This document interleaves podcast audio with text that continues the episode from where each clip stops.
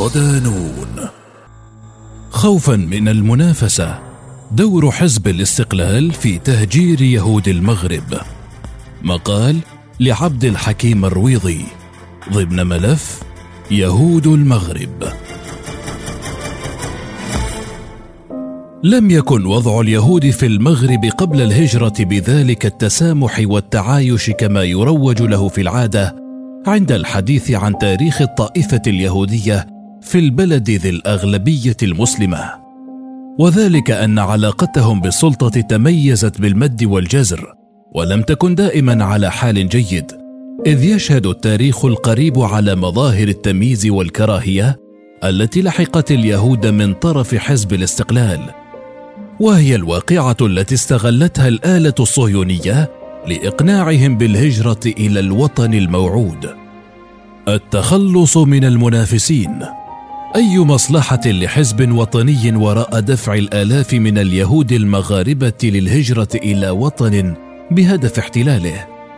الجواب هو أن اليهود اشتهروا بالتجارة طيلة وجودهم القديم في المغرب فكانوا بذلك منافسين للتجار الفاسيين نسبة إلى مدينة فاس عاصمة المغرب قبيل الاستعمار. أما حزب الاستقلال فهو ذو أغلبية فاسية التحقت بدواليب الدولة مباشرة بعد حصول المغرب على الاستقلال عام 1956 وشاءت النخبة الفاسية أن تتخلص من منافس قوي سواء في الوظائف الإدارية أو التجارة. لهذا كان من مصلحتها أن يهاجر اليهود إلى أي مكان.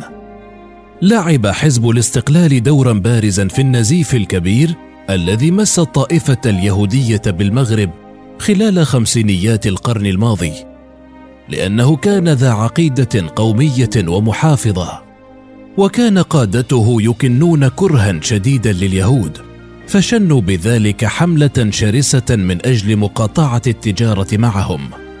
قدم أحد مناضلي حزب الاستقلال ووقف أمام متجري والدي وأخذ يمنع الناس وهو يصرخ قائلا لا تشتروا من اليهودي.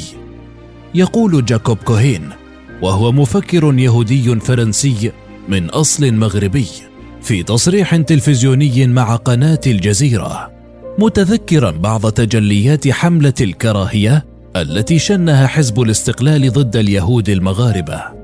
ويضيف المفكر المناهض للصهيونية في تصريح آخر أن حزب الاستقلال كان لا يحب اليهود لأنه ينافس الفاسيين في التجارة والمناصب الحكومية. وبالتالي كان للصهاينة والفاسيين نفس الهدف وهو أن يرحلوا خارج المغرب. السطو على الثروات. يكشف كوهين عددا من الحقائق التاريخية منها أن رجال فاس الأغنياء قاموا بالسطو على ثروات اليهود وكيف كانوا يقترحون عليهم بنسبة عشرين بالمئة من رأس المال بحجة أن أخ أحد الفاسيين عامل أو وزير. ومع انتهاء الحماية لم يعد اليهود المغاربة يحسون بالأمن في وطنهم. الخوف من أساليب التنافس غير المشروعة وأيضا حرب الاجتثاث المحمومة التي قام بها قادة حزب الاستقلال ضد عدد من اليهود المغاربة الذين وجدوا في كراسي المسؤولية داخل عدد من المؤسسات المغربية كان من العوامل المعجلة لخدمة المشروع الصهيوني باستجلاب اليهود المغاربة إلى إسرائيل. إبان فترة الحماية الفرنسية كان أبناء الطائفة اليهودية يتلقون تعليمهم فرنسيا صارما حيث كانوا ملزمين بالتحدث باللغة الفرنسية فقط داخل مدارس البعثة. وإلا سوف يعاقبون إذا نطقوا بكلمة دارجة مغربية التي كانت شائعة بين اليهود إذ كانت العبرية لغة الصلوات فقط في ذلك اليوم ولم تكن لغة التواصل. لكن بعد خروج المستعمر الفرنسي بدأ مشروع تعريب الإدارة المغربية فلم يكن باستطاعة اليهود أن يتقلدوا مناصب إدارية لأنهم كانوا يجيدون الفرنسية فقط إلى جانب العبرية. أما الذين كانوا يشغلون مناصب إدارية ولا يتحدثون العربية فكان عليهم مغادرة وظائفهم. اعتناق الإسلام.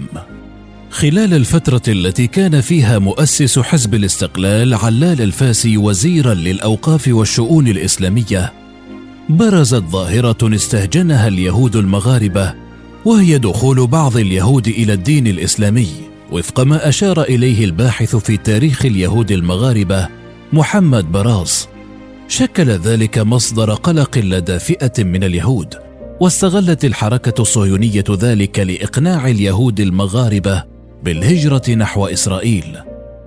وعندئذ عبر الفاسي عن موافقته على هجرة اليهود شريطة عدم السماح لهم بالعودة مجددا إلى البلاد. اعتناق بعض المغاربة اليهود للإسلام خلق نقاشا حادا بين العناصر اليهودية التي كانت مسانده لحزب الاستقلال بل جعلها تضع الكثير من التساؤلات حول دور هذا الحزب في الحفاظ على أسس ومقومات الأقلية اليهودية الأمر الذي خلق نوعا من الارتياب ودفع بالعديد من اليهود إلى التراجع عن موقفهم في مساندته. حملة دعائية. ممثل اليهود المغاربة بفرنسا سيمون حايم سكيرا يلقي باللوم على حزب الاستقلال ويحمله مسؤولية رحيله عن بلده الأصل. قائلا اسألوا حزب الاستقلال لماذا غادرت بلدي وأبواي ووجدت نفسي في إسرائيل البلد الوحيد الذي استقبلني بجواز السفر المغربي. حايم هو أحد أبرز الوجوه الإسرائيلية الدافعة باتجاه التطبيع بين المغرب وإسرائيل. غادر مدينة الدار البيضاء سنة 1967 عقب حرب السابعة والستين في الشرق الأوسط زاعما أنه يفهم مأساة الفلسطينيين الذين طردوا من وطنهم. ولكن لا أحد يفهم مأساته بعد أن أجبر على ترك المغرب وهو ابن خمسة عشر سنة. إذا كنت اليوم اسرائيليا فاسألوا حزب الاستقلال عن ذلك يضيف قائلا عقب نكسة السابعة والستين شنت الصحافة الوطنية ومنها الصحافة التابعة لحزب الاستقلال حملة مكثفة ضد اليهود. دعت الناس إلى مقاطعتهم بعدما كانت لفترة طويلة تتغنى بالوئام والتعايش بين المسلمين واليهود. انجرفت هذه الصحافة نفسها إلى تيار الانفعال العاطفي الذي استهدف اليهود المغاربة ودولة إسرائيل في آن واحد دون تمييز. خلطت تلك الحملة الإعلامية ما بين اليهود الوطنيين والصهاينة حيث استهدفت في المقام الأول اليهود الذين كانوا يعملون في القطاعات الاقتصادية المنتجة التي تحتاج تدريبا كافيا وحدا أدنى من المهارة.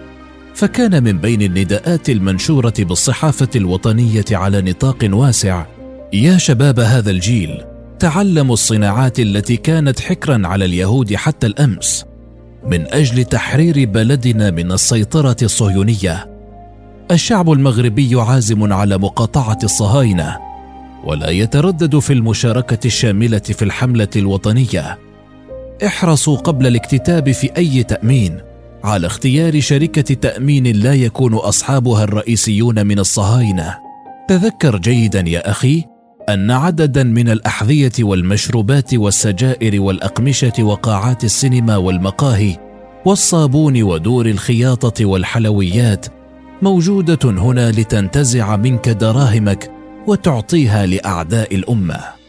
وعلى الرغم من أنه كان يحاربهم إلا أن حزب الاستقلال كان لا يمنع اليهود من الانضمام إليه لكن بشرط واحد وهو تأدية القسم على القرآن الكريم حسب شهادة شمعون ليفي المناظر الشيوعي والمدير السابق للمتحف اليهودي بالدار البيضاء مؤكدا أن هذا الشرط كان دافعا من بين دوافع أخرى لليهود المغاربة كي يلتحقوا بالحزب الشيوعي.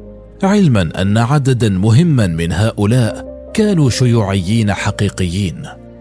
بالفعل نجحت خطة صهيونية باستجلاب اليهود المغاربة إلى إسرائيل بعدما أغرتهم دعايتها مستغلة مجموعة من الأحداث في المغرب مثل التضييق الذي لحق اليهود من طرف حزب الاستقلال.